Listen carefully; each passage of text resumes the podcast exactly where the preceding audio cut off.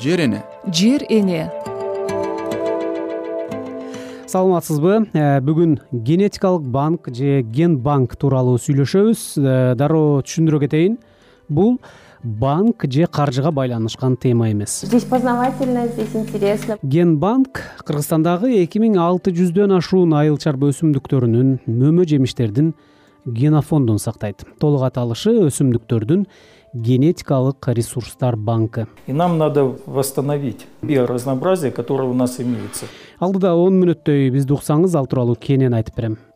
Менин аты жөнүм санжар эралиев бул жер эне подкасты.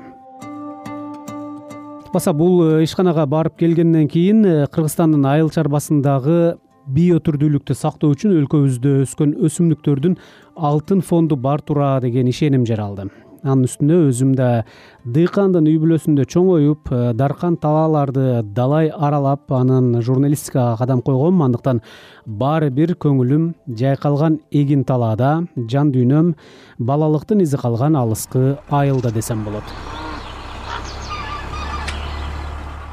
Ал эми соңку жылдары кургакчылык күчөп э, суу тартыш болгону сокко тийбеген айдоо жерлери көбөйүп өлкөнүн айыл чарбасынын келечеги ойго салбай койбойт жер эне? Жер эне.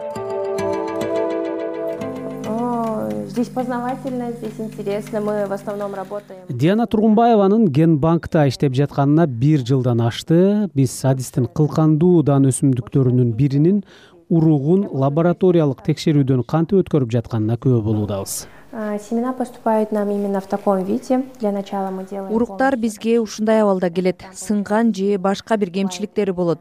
Биз анын баарын тазалайбыз. мы их очищаем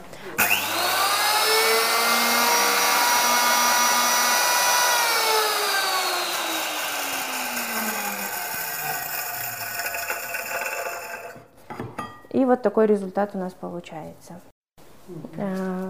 Потом мы отправляем это все чтобы проверили на влажность для такой аппарат андан ары нымдуулугун текшеребиз бул үчүн атайын аппаратка салабыз. Эгер ным болсо анда кургата турган жабдоого салабыз. Андан кийин дагы бир жолу бул аппаратта тазалап алабыз. Аягында мындай чакан баштыкчаларга жүз граммдан салабыз. Определенную э, определенную сумму. Так получается сто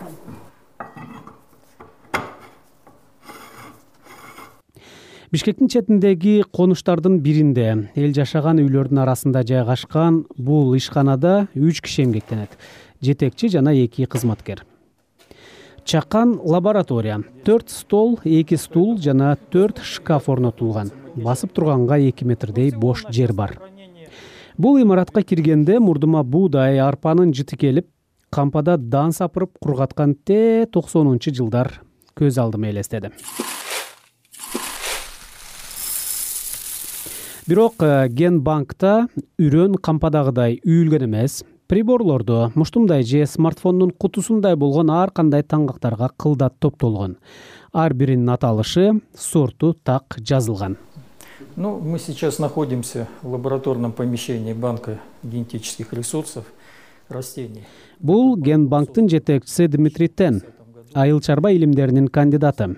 Адистин айтымында азыр бул жерде эки миң алты жүз он бир өсүмдүктүн үлгүсү бар. Это просто сохранить эти ресурсы. Бул үлгүлөрдү сактоонун максаты келечекте ар кандай себептер менен бул өсүмдүктөр жок болуп кетсе же жоголуу коркунучуна кабылса аны өстүрүп био ар түрдүүлүктү калыбына келтирүү вот этот э, биоразнообразие которое у нас имеется. Ген банктын коллекциясы жыл сайын алыс жакын өлкөлөрдөн келген сорттор менен толукталып турат буудай төө бурчак күн карама пахта жана башка айыл чарба өсүмдүктөрүнүн түрдүү үлгүлөрүн табасыз. Вот и здесь вот еще в процессе подготовки порядка двухсот образцов которые ген банк үч бөлүктөн турат. Лаборатория кургатуучу бөлмө жана уруктарды муздаткычтарда сактоочу жай. Биз лабораториядан ары төрдөгү чакан бөлмөгө бет алдык.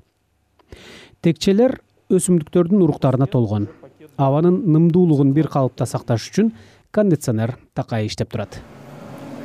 Здесь вот температура где то восемнадцать градусов. Бул жерде абанын табы он сегиз градустун тегерегинде. Нымдуулук он эки он төрт пайыз.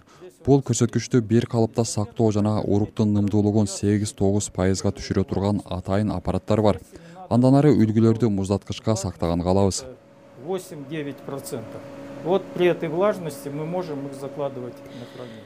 Ал эми отуздай муздаткыч жертөлөдө жайгашыптыр. Ген банктын адистеринин айтымында өсүмдүктөрдүн уруктары мындай шартта жүз жылдан көбүрөөк сакталат. Здесь расположено наше хранилище э, образцов которые хранятся вот в специальных морозильниках при температуре минус восемнадцать градусов. Дмитрий мырза кутучага салынып муздаткычта сакталып жаткан уруктарды алып көрсөтүүдө. А менин ичимде башка бир түйшөлткөн суроо бар. Электр энергиясы улам улам өчүп турган кыргызстандын шартында бул муздаткычтарда уруктарды сактоо канчалык ишеничтүү. Вот. То, что вот Диана показывала, все запаянное вот в алюминиевые пакеты, оно находится здесь.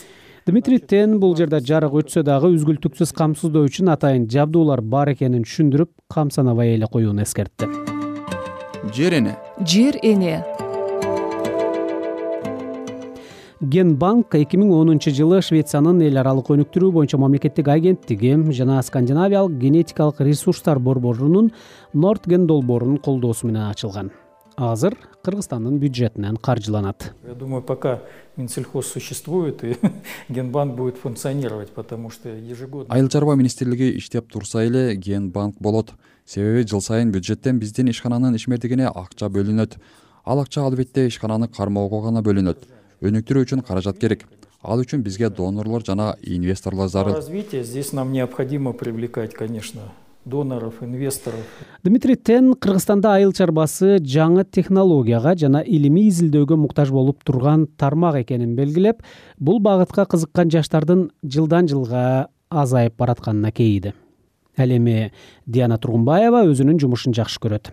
Бишкектеги агрардык университетти аяктап ушул жерге ишке орношкон кыргызстандын айыл чарбасынын алтын фондун сактоого салым кошуп жатканына сыймыктанат О вкусах, наверное, не спорят. Это для... Если человек увлекается этим, то, ар кимдин табити ар башка табит талкууланбайт дегендей менин бул жумушум адамдын аң сезимин өстүрүүгө да аябай жардам берет мени бул жумуш аябай тынчтандырат жараяндын өзү тынчтандырат Вот. Сам, сам этот процесс, он сам успокаивает.